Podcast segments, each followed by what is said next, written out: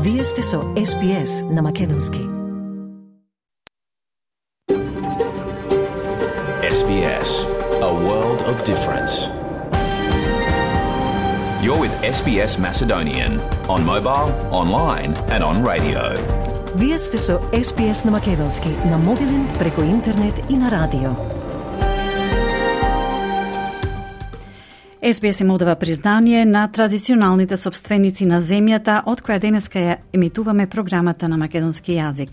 Со ова изразуваме почит кон народот Камерегл, неговите минати и сегашни старешини, а признание исто така им одаваме на традиционалните собственици на сите земји на абориджините и островјаните од Тесенсот Торес, од чија земја ја слушате нашата програма. Добар ден и добре дојдовте на СБС на Македонски денеска петок, 1 септември 2023 со вас е Радица Бојковска Димитровска. Еве нако со што имаме за ова петочно издание. На почеток вестите од земјави странство, пошто ќе известиме и за најактуелните настани во Македонија. Од домашните теми се осврнуваме на акцијата на домородниот активист Майкл Лонг, кој започна патека од 800 километри од Мелбун до Камбера, со цел да ја подигне подршката за воспоставување домороден глас во парламентот. Во денешно издание ве запознаваме и со една тивка, но извонредно силна македонска хероина, која посвети 50 години од нејзиниот живот во Транспорт New South Wales, одржувајќи ја хигиената во Central Station во Сиднеј, додека како самохрана мајка одгледа две деца на кои им овозможи универзитетско образование и уште еден мал детал без речиси ниедно одсуство за боледување. Останете со нас, следуваат вестите.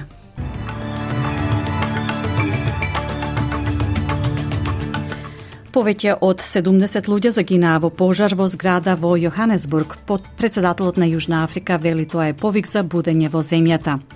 Премиерот Антони Албанезе може би нема да има шанса да се сретне со кинескиот председател Си Джинпинг по извештаите дека кинескиот лидер нема да присуствува на самитот на групата 20 во Индија. Од утре, 2 септември, се укинува специјалната виза за странски студенти кои се затекнаа во Австралија за време на избувнувањето на COVID-19. А од денеска 1 септември лицата со хронични заболувања ќе може да добијат двојно поевтини лекови. И во Македонија и натаму различно толкување на изјавите на Мишел и Макрон за процесот на проширување на Европската Унија.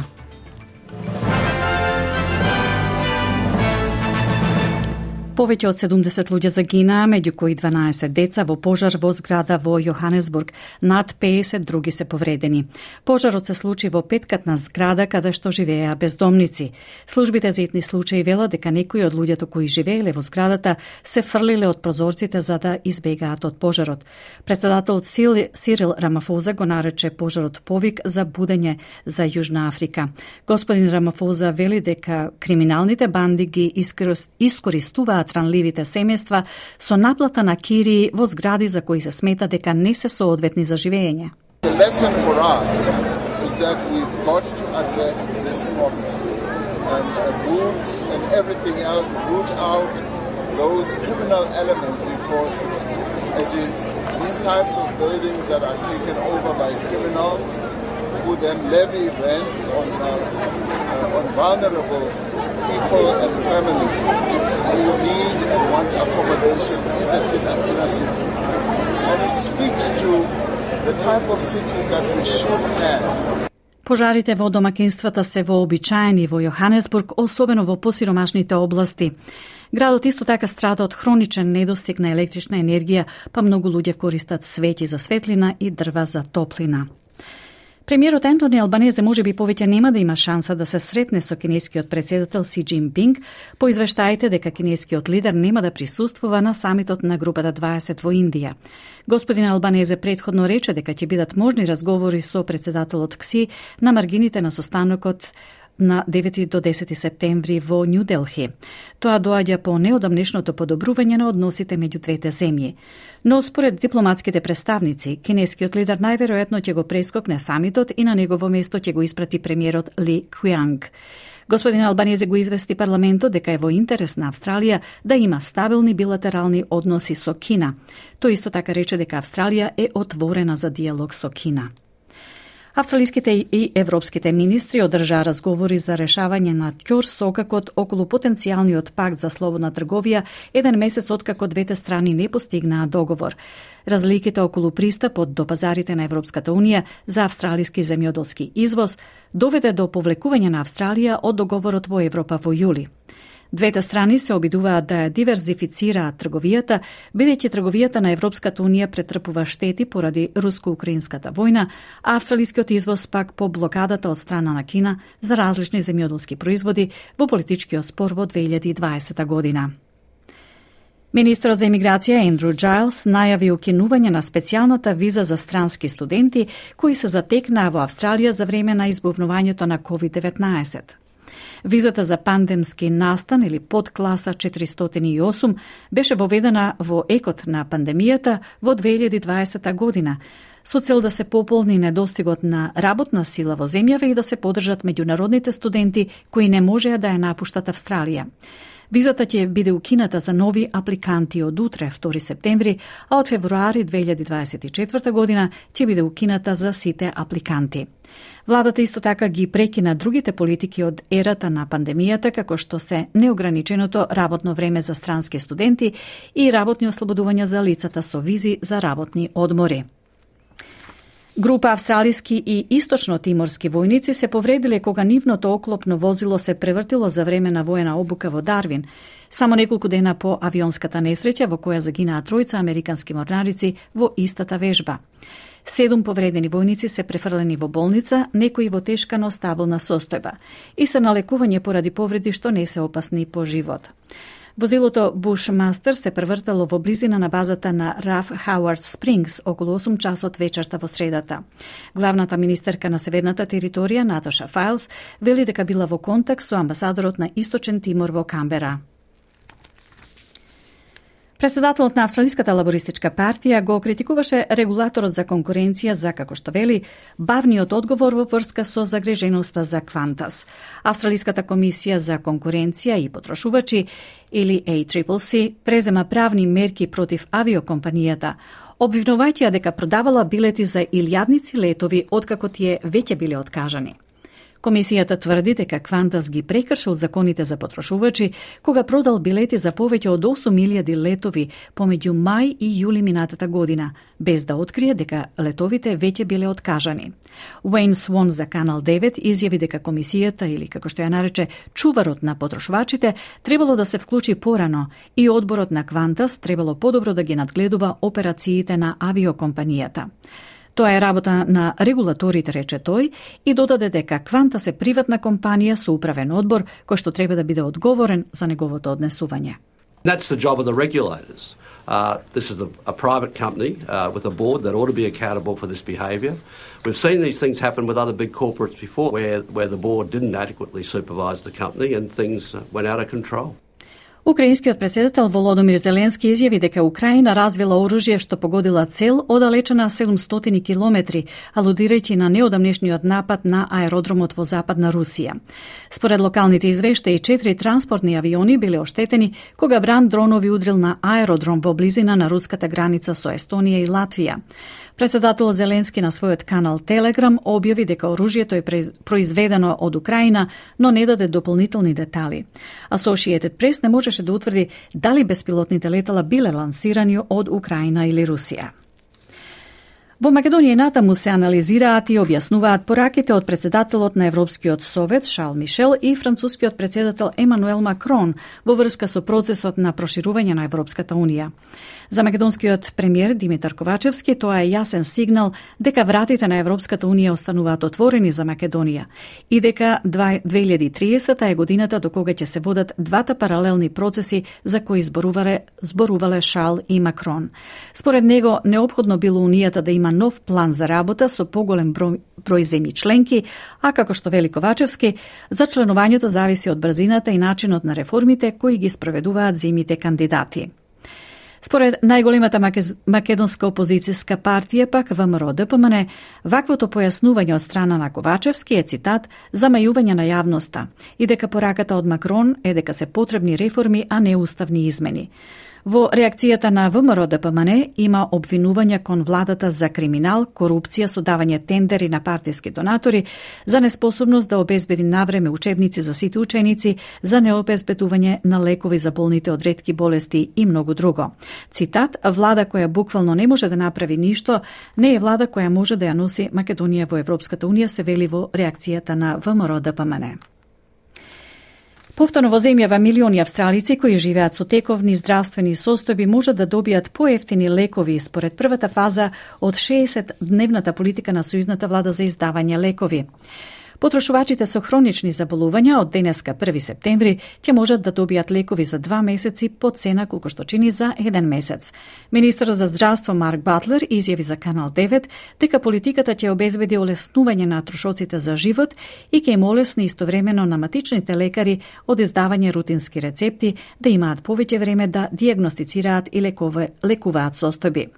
На листата посочува министерот Батлер се наоѓаат речиси 100 вообичаени лекови кои што се користат за тековни здравствени состојби, како што се висок крвен притисок, остеопороза, срцеви заболувања и многу други. Almost 4 million Australians from today will be able to ask their doctor for a 60 day script for around 100 common medicines that are treating ongoing health conditions like high blood pressure, high cholesterol, osteoporosis, heart disease, and many more. So, two scripts for the price of one, effectively halving the cost of their medicines. It will also mean fewer visits to the doctor, fewer visits to the pharmacy, as well as more money in their pockets. Оделот за здравје и нега на стари лица вели дека проблемите со меморијата и концентрацијата, наречени мозочна магла, се едни од најчестите симптоми на долгиот ковид. Ова важи и за Лен Чарланд, која од секогаш имала високи перформанси на работа, се додека не доживеала негативна реакција, откако го примила засилувачот на COVID-19 во февруари минатата година и се заразила со вирусот неколку месеци подоцна. Господица Чарланд вели дека незините симптоми го оневозможиле незиното функционирање на предходното ниво и професионално и социјално, пошто морала да ја напушти работата, бидејќи за разлика од порано, повеќе не можела да го користи компјутерот I um, have been in the data profession for the last 40 years. So I've, I've had to leave my job, and um, but I've, I've been at the leading edge of data um, using computers since they were first introduced to banking, mm-hmm. and I can't really use a computer without getting extremely exhausted. Кетрин Бенет, председавач за епидемиологија на Универзитетот Дикен, вели дека состојбата може да биде привремена и блага или пак да продолжи долгорочно и да ги спречи луѓето да можат да работат и функционираат на нивното нормално ниво. You know, so they'll describe it as something that they can have bad days and then you might have some good days, but you're not never quite sure how it's going to pay out. So it can be things as simple as poor concentration, which I think is what people often think of. But it can be a bit more disabling. It can be feeling confused or being very slow in thinking.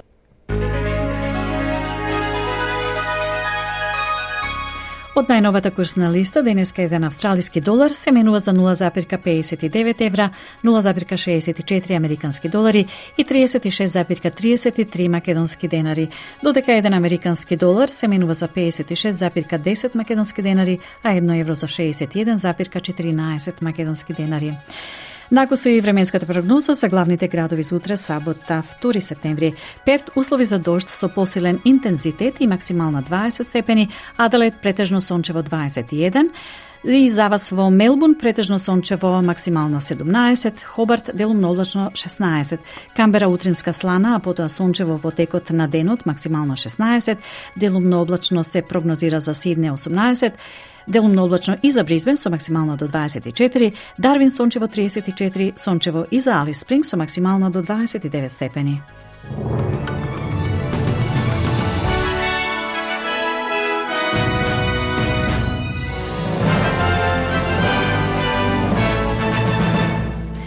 Тоа беа вестите на СБС на Македонски за 1 септември 2023. Следува извештајот од Македонија во кој меѓу другото ке слушнеме. Премиерот Димитар Ковачевски вели изјавите на Мишел и Макрон се за паралелен процес. Од опозицијската ВМРО ДПМН возвраќаат. Пораките треба да се дека треба реформи, а не уставни измени. Еврокомесарот за проширување на Европската Унија Оливер Вархеј најавува конкретни предлози од Европската комисија за проширувањето во октомври. Добре дојде веста од Европскиот совет дека ќе се ангажира за проширување на Унијата до 2030 порача Вархеј од неформалниот состанок во Толедо. Од антикорупцијска комисија порачуваат дека ќе преземат соодветни мерки за случајот со Еуровија. Нова учебна година почнува денеска, но без дел од учебниците. И во Македонија морталитетот поголем од наталитетот во вториот квартал оваа година. Повеќе од нашиот редовен известувач од Македонија, колегата Милче Јовановски.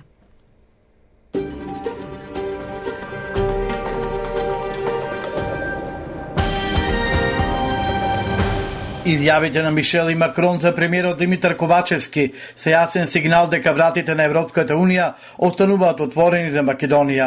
2030-та е годината до која ќе се водат двата паралелни процеси за кои изборувале председател на Европскиот совет и францускиот председател. Поред премиерот, необходно било Унијата да има нов план за работа со поголем број земји членки, а како што вели Ковачевски, за членувањето зависи од брзината и начинот на реформите кои ги спроведуваат земите кандидати. Јас ја предводам Европската коалиција, која што вели дека до 2030 година Северна Македонија ќе биде првата земја од Западен Балкан која што ќе стане земја членка на Европска унија. Од друга страна, имаме антиевропска изолационистичка коалиција која што вели дека сака изолација, сака да чека 10, 20, 30 години, меѓутоа не нудат никаква друга алтернатива. И затоа велам дека сега од нас зависи, бидејќи позитивниот сигнал од Европа е тука, 2030 година. Ваквото појаснување на Ковачевски за опозицијската ВМРО ДПМН е замајување на јавноста. Пораките на европските челници се дека требаат реформи, а не уставни измени, велат од партијата во сообщението упатено до медиумите.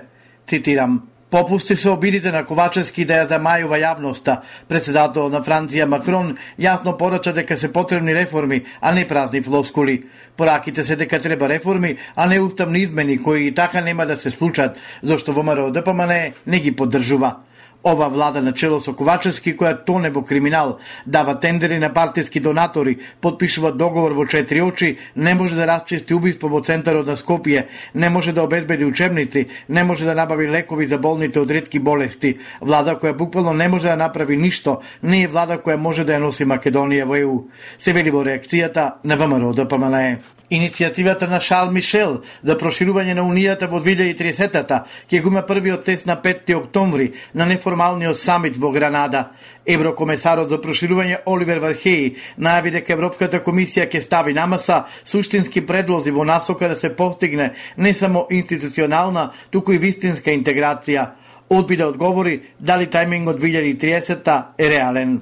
Вархеј откри што содржи предлогот на Европската комисија, која пред два дена соопшти дека како тело не била консултирана од Европскиот совет пред Мишел да го испорача предлогот на Блецкиот самит. Повтори дека проширувањето треба да се заснова на заслуги. I don't think that it is a question of dates. I think it is more of a question of will and also the question of delivery. I think those are the closest who delivered the first.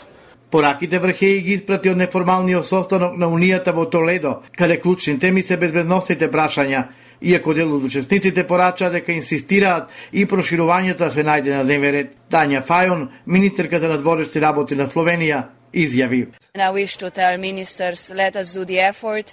We are discussing the enlargement to the eastern neighborhood. Let us do something more out of the box also to finalize the enlargement to the Western Balkans. Фаон оцени дека Поблецкиот самит е отворен прозорец на можности за Западен Балкан, кој треба да се искористи до крајот на годинава.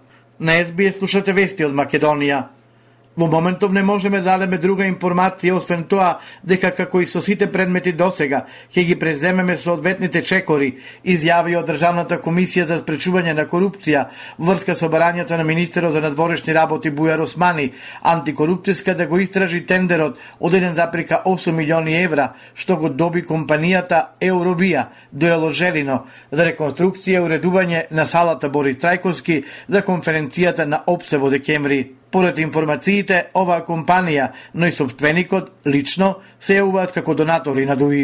Од антикорупцијска посочија дека нема да ја коментираат изјавата на министерот Османи, дека не знаел дека Eurovia е донатор на ДУИ и побараа по прашања се произнесат и другите институции. На прашањето дали ќе побараат информации од ДУИ и компанијата зошто го прекршиле законот преку донации, од антикорупцијска одговорија дека информациите се побарани. Учебната година ќе почне денеска и ќе трае до 17 јуни наредната 2024. Министерот за образование и наука Јетон Шакири им посака успеси на учениците и наставниците и ги соопшти новините пред почетокот на учебната 23-24 година. Ке дотнат само учебниците за шесто отделение и тие ќе се распределуваат во училиштата штом ќе бидат одобрени и се очекува да стигнат до крај на септември. Учебниците за трето одделение, за кои како и за шесто годинава се прават нови учебници, согласно новите наставни програми, се одобрени и се печатат, така што во првата недела од септември учениците ќе ги добијат, рече Шакири. Да најдеме секако друг начин на притисок, но штрајк без настава за децата не треба никогаш се помисли. Ова порака испрати министерот за образование и наука Јетон Шакири од студиото на ТВ21 до синдикатите, а по повод најавите за штрајк. Како што е познато, независниот синдикат за образование и наука најавува штрајк поради како што велат непочитувањето на одредбите од колективниот договор и ниските плати. Министерот вели дека се сретнал со СОНК, а дека ќе има и средба со независниот синдикат, на кој ќе се бара решенија, како што додава ги поддржува наставниците во нивните барања за повисоки плати.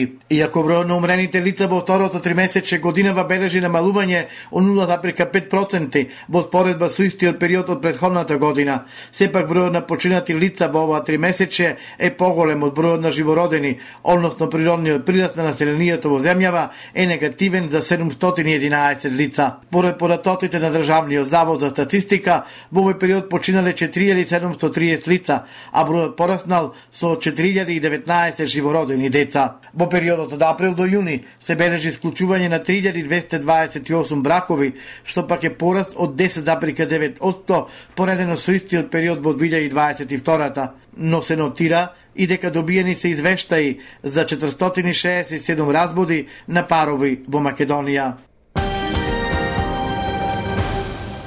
Од Македонија извести нашиот редовен соработник, колегата Милчо Јовановски.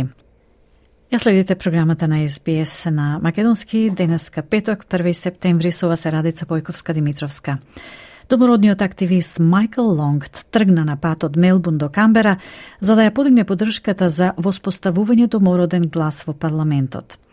Патувањето од 800 километри ја повторува пионерската долга прошетка на легендата на ЕФЛ во 2004 година до главниот град, која што имаше за цел да го привлече вниманието на неповолната положба на абориджините во земјава.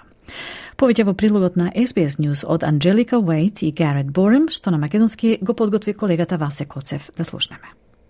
SBS. SBS. SBS. SBS. SBS. SBS. SBS Radio. Легендата на ЕФЛ и активист на домородната заедница, Майкл Лонг, ја започна долгата прошетка од Мелбурн до Камбера за да ја зголеми поддршката за домородниот глас до парламентот. Пешачењето од градското собрание во Мелбурн започна во неделата на 27 август, каде Лонг изјави дека се надева дека ќе ја подигне уште повеќе свеста за престојниот референдум на домородните луѓе. People can join us, you know, obviously from the start uh, the different country areas which we'll be going through, uh, schools. It's about bringing people with you, about bringing people along with you and being a part of that conversation. We want to engage as many people as we possibly can. Помина 19 години од првата долга прошетка на поранешната звезда на фудбалскиот тим Есендон, за да му го представи на тогашниот премиер Џон Хауард списокот на она што е потребно за да се затвори јазот во здравството, образованието и економските резултати меѓу домородните и недомородните австралици. По децениски водена кампања, господин Лонг вели дека референдумот и нуди на Австралија можност да чекори напред на суштински и значаен начин. Тој вели, време е заедно да го затвориме јазот, време е сите австралици да чекорат заедно. It's time for closing the gap together It's time, Australia, to move forward, together as all Australians. It's time, Australia, to unite this country, not to divide. It's time, Australia, for change for all. Викторискиот премиер Даниел Ендрус вели дека постои и тага и оптимизам во континуираната потреба за промени. Господинот Ендрус вели Фактот што Вујко Мајкл и многу други мора да одат повторно до Камбера, речиси 20 години по првиот револуционерен напор за да бидат слушнати, препознаени, да ја кажат својата вистина, да ја раскажат својата приказна е од многу аспекти жалосно. Но имаме можност како нација да направиме многу повеќе, изјави премиерот Даниел Ендрюс. The fact that Uncle Michael and many others have to walk again to Canberra, nearly 20 years on from that first groundbreaking effort uh, to be heard, to be recognised, to speak their truth, to tell their story, is in many respects sad. But at the same time, we have in just a few months' time, we think, the date will be set soon, uh, we have an opportunity as a nation to do so much more and so much better. Майкл Лонг има за цел да го заврши своето патување од Мелбурн до Камбера до 14 септември и сака што е можно повеќе австралици да му се придружат. Тој и другите учесници се обидуваат да го сменат надолниот тренд во анкетите на кампањата да и да ја подигнат поддршката и свеста за гласот. Некои политичари, како лидерот на либералите Джен Хюм, која ја поддржава кампањата не, вели важно е да се разбере што се презентира. Can I tell you, there are lots of people like me and my party whose heart said we could get here.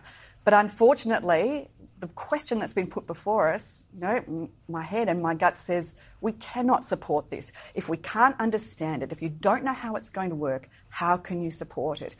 За други, како што е пратеникот од лабористичката партија Бил Шортен, домородниот глас нуди директен нов начин за овозможување позитивни промени.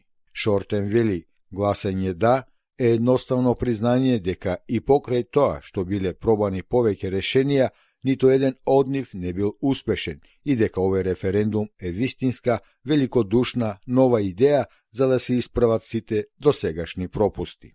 A yes vote is a simple recognition that having tried everything else and it hasn't been successful, this referendum is a genuine, generous new idea to simply get it right. Од партијата Nationals во Западна Австралија велат дека тие сега одлучили да ја повлечат поддршката за гласот. There was a respectful decision, but certainly not unanimous view. A question was whether or not Labor's referendum proposal and the trust in Labor to be able to deliver uh, any meaningful change through it. Господинот Лонг копне е по значајна промена. Тој вели дека е време политичарите да ги остават настрана разликите и да работат заедно за подобра и посилна иднина. Ова е покана, која е представена во име на домородните луѓе ширум Австралија до владата, вели тој. Според неговото мислење, време е австралиските абориджини да бидат признати во австралискиот устав. Ова е референдум, а не избори, изјави Майкл Лонг. This is an invitation which is presented on behalf of the Indigenous people across Australia to the government. It's time Australia for Aboriginal people to be acknowledged in the Australian Constitution. This is a referendum, not an election. Датумот за референдумот за домороден глас до парламентот е 14 октомври 2023 година. Сеопфатни информации за референдумот можете да најдете ако го посетите порталот SBS Voice Referendum на www.sbs.com.au косацрта Voice Referendum. SBS. SBS. SBS. SBS. SBS. SBS. SBS Radio. Тоа беше прилог на SBS News, што за нашата програма го подготви колегата Васе Коцев, од кого ќе слушнеме и во следниот прилог накусо за главните спортски настани.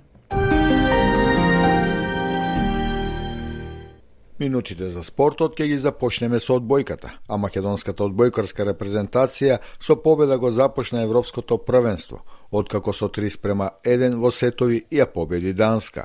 Со оваа победа, избраниците на селекторот Јошко Миленковски го направија првиот чекор кон пласман во втората фаза. За да го потврдат тоа, ќе им биде потребна и победа во утрешниот надпревар против Црнагора. Капитенот на македонската репрезентација, Ѓорги Ѓоргиев, за македонската радиотелевизија, вели дека се подготвени да се носат и со притисокот на домашниот терен и со противникот. Технички веќе сме спремни, нема што да подобруваме, но мора да го да ја скаутираме екипата на Црна Гора добро и да не летаме по победата на Данска, него да стапиме црсто на земја и да одиграме исто еден машки квалитетен надпревар. Се надевам да го постигнеме тој посакуван резултат и таа победа, уште една победа против Црна Гора. Имат некои нови играчи кои уште не ни се познати, денес почнавме да ги скаутираме црногорците, но а, можем да кажам дека од порано дека може да бидат многу тежок противник. Наша цел е да не дозволиме они да се разиграт и мислам дека со добра атмосфера и таа таа добра игра која не смееме да им дозволиме исто да се разиграт они, мислам дека може да се радуваме на победа. Инако Македонија е дел на една група од како домакин нова европско правенство. Продолжуваме со фудбалот. Македонија во европските купови остана без представник. Последниот представник, Струга Тримлум, е елиминиран вчера, откако и во реваншот на гостувањето кај Даблик од Исланд загуби со 1 спрема 0. Струга и направиот надпревар загуби со идентичен резултат. А во фудбалските лиги низ Австралија започнуваат да се играат и финалните серии, во кои има и повеќе представници од екипите на македонската заедница – Во Националната премиер лига на Северниот регион на Нов Јужен Вилс, екипата на Бродмедоу Меджик овој викенд игра против Чарлстон Азури. Следбата се игра во недела со почеток од 14 часот и 30 минути. А, важен надпревар за Бродмедоу Меджик, бидејќи со победа ќе обезбеди пласман во големото финале, каде ќе игра со Ламтон Джафас.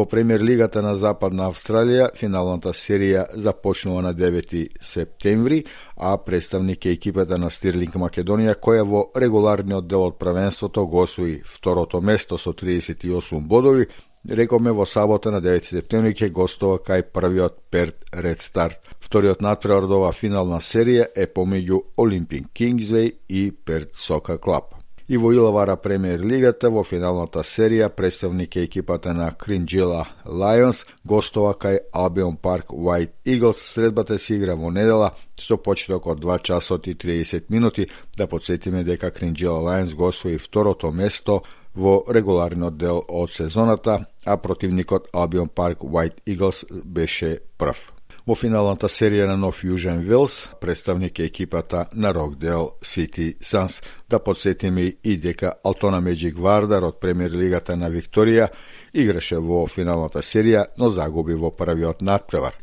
И ќе завршиме со веста дека фудбалскиот клуб Престон Македонија, односно Престон Лајонс, ја поднесе и финалната апликација за учество во новоформираната Б лига фудбалска во Австралија.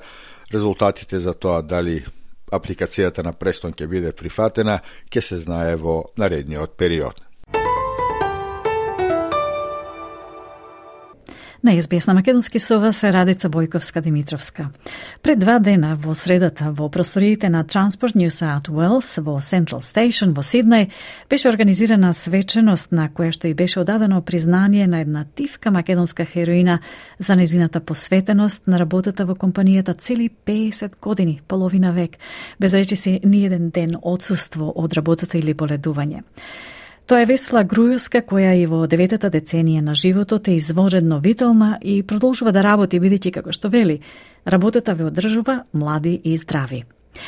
И покрај многу предизвици и тешкоти во животот, Весела останала цврсто на свој нозе, самохрана мајка на две деца, на кои им обезбедила и универзитетско образование, успела да купи и дом преку вредна, тешка и честна работа.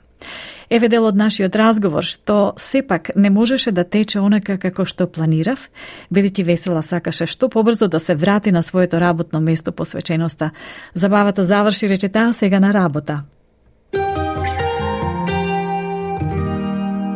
Оти проблеми си имав, маки големи. Тоа, јас дојдов 70-та и на 70 ја диворс. Но децата но алишта, но униформ за на школа. А, паса for hard life. Еци да, затоа не секам да зборувам. Тежок живот, да, да. Не е изи. Ама, што ќе па шкајте, не сум едина и јас назад. Весела ти остана како самохрана мајка на две деца, без да го знаеш англискиот јазик. Нема за јазикот, мами јазик, нема куќа, нема куќа, нема парин, само работа во релва и бе very lucky. Mm -hmm. ми помогна Господ. Оти бев ја многу добра и работна. Mm -hmm. Другите не, не работе, што нема проблеми. Ама јас има проблем, морам да работам. И сега босот во најмените што ми е, mm -hmm. и повика луѓево да бидат хепи од офисот, така да кажа. Така, така. Имаше ова ручек да доја. Mm -hmm. Најслабе имаше -hmm. Значи, после 50 години уште не се пензионираш, уште работиш? Дури можам ќе работам, се заправам. Пенсија не е како, работа не е како пенсија. Не можеш да плаќаш било. Не е изи, изи сама, не е изи. Hard life е. Дојдов 70-та и почнав да барам работа. А, а како беше да се бара работа без да се знае јазикот? По френои. Македонци што живеа Грци по улицата и се хелпам не, не како денеска, денеска никој не хелпат. Тога беше old fashion, немаше, имаше жените работеја, нема само не сите жени, само ние по сиромасите што сме работани, грците, македонци, ливанците. Пак имаше зана торај. Ја немав, млада бев, дојдов млада и така. И се што барам да одам. Остаре. Сега имам јас 80. И уште работеш? ќе работам се запам. Немаат сега младите different sen, all, all people. All да. people before. Така е. Нашите одеја и Македонија, шатаја и пенсија, не сега. Сега е different вамо. Работата е фреш хелти е а да работиш. Дома ако си само ќе се секираш, ќе ова нема тона, нема тие те болеста тука е. Ми велат кога ќе ќе уште на ретаја на на 100 years. 100 years кога дојде одам на 200. Така ќе речеме и ќе чутат. Ете така размислува оваа извонредно витална жена од која што можеме секако да извлечеме многу поучни нешта. И бидејќи ми беа потребни повеќе детали за да можам да ви пренесам незината животна приказна, со помош на Transport New South Wales стапив во контакт со незината горда керка Гордана Грујовска. Добар ден, Гордана. Благодарам што одвоите време да поразговарате со нас за вашата а, толку вредна, но скромна мајка. Можете ли да ни кажете нешто повеќе за неа? Yeah. Um, мајка ми дојде на Австралија од Македонија во 1970 mm -hmm. и нејде прва работа беше во фактори во Сидни mm -hmm. и таа сакаше да работи за Railway и има ја комшија и комшија рече оди на возот станица одека и опитај station master за помој да можеш да кваиш application натре да земеш работа. Mm -hmm. И мајка ми само знаеше две-три зборва во енглески. Так. И таа оде со книга, што комшија пишеше за нејзе на station master на возот станица и мајка ми рече на station master, excuse me boss, и му даде книгата. И да. тој тука ја даде помојне и комшијата ја наполна за мајка ми и комшија носа мајка ми до одит на medical examination, од изеве што place medical examination mm -hmm, да, да работа. Yeah. И ко помина она medical examination, мајка ми беше кажена че почне другото Tuesday на платформ 15 во Central. И тоа беше на Tuesday 17 July 1973. И оти мајка ми не знаеше станиците, комшијата ја напиша центро на книга и мајка ми беше на возот и гледа сите станици кои личеше исто ко книгата, што е центро. И излезе центро и првиот ден имаше едно полиш бос и тој знаеше две-три зборва во македонски mm -hmm. и кажа што да прави и да чисти, како да чисти, што да чисти. И другиот ден имаше еден рашен бос и тој ја кажа, тој значи две-три македонски, тој ја кажа како да чисти све и после тоа та си праише сама, та знаеше што да прави после две дена. И тога сите клина беа југослави, грик и ливански. И сите менеджа, еден беше полиш, еден беше рашен и сите други менеджа беа австралијански. Сега, кој било може да бидеш клина, кој било може да бидеш менеджа и мој све средина работа бидеш. Уво е така. Секој може да биде кој сака какво работа во Railway. И мајка ми секој пат има бидено во централ тоа беше како нејде uh, home base. Mm -hmm. Пак и некоја и да овертайм велеа оди Chatswood, оди Епинг, оди Пенрith, таа оди цел скоро Сидни да чистит кој е пуша и велат имат овде овертайм, ојси, ојси тука. Оди мајка ми, сама жена, имаше две деца мали и, и требаше да се собира пари, собира пари и си купа кујка. Сама жена си купа кујка. И и прај чистење, има плајно на флегинг, имат работено на барија, има чистени плафон, возој, офисине, све, секаде има прајно така. И скоро никога зебе ситен. Секако сам оде на работа.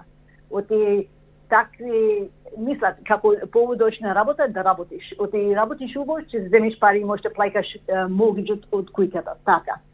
Yeah. Кога ја прашав вашата мајка до кога мисли да работи, таа рече додека мрдам. мајка ми не знае, мајка ми вели, стоиш млада ако работиш.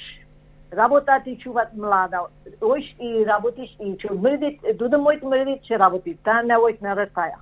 Сега ова година направ 50 години, кој знае, најби уште че прави 60 години, уште 10 години, кој знае. Кој знае, да, со таква енергија не е ни чудно, да.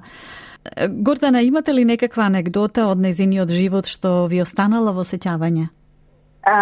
Мајка ми кој сите македонски кој има холедај, секој пат во Бавча. И кој сите македонски растеше палижани и пиперки. Некоја пиперки лути, некој пат номо пиперки.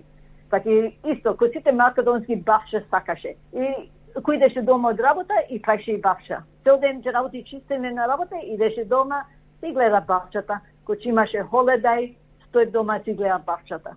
Значи и на одмор работеше, само дома? Е, е. Е, так, кој зеде холедај, оти секој година ги потере на холедај, mm -hmm. холедај, секоја таа дома во бавчата работеше. Си сака бавча. И парижан и пиперки си прави. Некоја малу друго како салата, нешто така малу, пак и најногу палижани и пиперки. Mm -hmm. Значи, еве еден добар совет како да се старее здраво. Гордана, може ли да ни кажете малку и за прославата што беше организирана во чест на, на вашата мајка по повод 50 годишниот јубилеј во Transport New South Wales? Кога разговарав со вашата мајка и, и ја прашував да ни каже нешто повеќе за свеченоста, таа рече морам да се вратам на работа, рече свеченоста заврши и сега сите се вратија на работа, морам и јас зашто никој нема да работи мојата работа. Е, мајка ми сакат работи, работи, сите знаат таа чиси најубо. Сите големите знаат таа чиси најубо од секаде. И е направија celebration од, за 50 години за мајка ми и едно од имет оние како машина што тргет луина кват luggage. И mm -hmm. ова е што машина со мотор и едно е праје име после мајка ми името и кваде како license plate горе за став кој ќе терат секој на платформ ќе видат името е по мојата мајка ми. Кваде името горе како license plate горе. Веса. Така Да, добро. А, на крај, Гордана, може ли да ни кажете малку за тоа каква мајка беше? Како родител, како се однесуваше спрема, спрема вас, децата? Е многу добра мајка, та сакава да работеше, работи тешко, та плаќаше за нас оне на университи, да мојме да земеме убаво работа. И та работеше секогаш што може да земе овертайм да мојте кај да јадење на масата и да ни пуши на университи да плаќаше за университи да можеме да учиме. Very good мајка е таа. Добро, Гордана, благодарам многу што одвоевте време да поразговарате со нас. И честитки уште еднаш за големиот јубилеј на, на вашата мајка. Фала многу, убаво беше зборење со тебе и very proud сум од мајка ми, што има прајно 50 години во Релбај. Ете тоа беше Гордана Грујоска, како што рече Горда Керка на Весела Грујоска, која што доби големо признание од Transfer New South Wales за незината служба цели 50 години, половина век без речи си боледување или осуствување од работа. Оваа приказна ќе може да ја најдете и слушнете подоцна во текот на денот на нашата интернет и Facebook страница. Имаме прекрасни слики од Весела. Една од тие слики е и со неа во моторното возило што беше именувано по неа Веса. И со ова се ближиме кон крај на денешното издание на СБС на Македонски, па да подсетиме на некои од главните вести.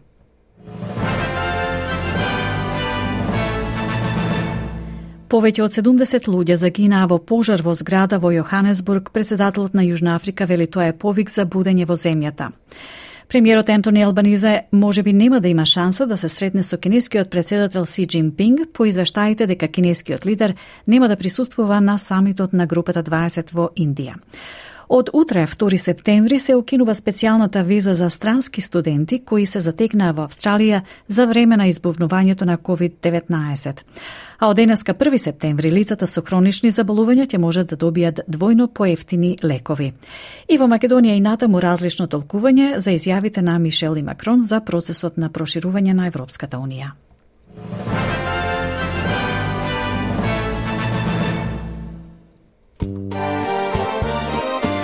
И тоа е се за денеска, почитувани слушатели. Ви благодарам што бевте со нас. Нашата следна емисија е во понеделник, а во меѓувреме за избор прилози и разговори на разни теми посетете на, на sbs.com.au косацртичка Macedonian и на нашата Facebook страница Facebook SBS Macedonian, каде што можете да оставите и ваш коментар по тие подкасти. Од Радиса Бојковска Димитровска, пријатно поплатне и убав викенд. Сакате ли да чуете повеќе прилози како овој? Слушате подкаст преку Apple Podcasts, Google Podcasts, Spotify или од каде и да ги добивате вашите подкасти.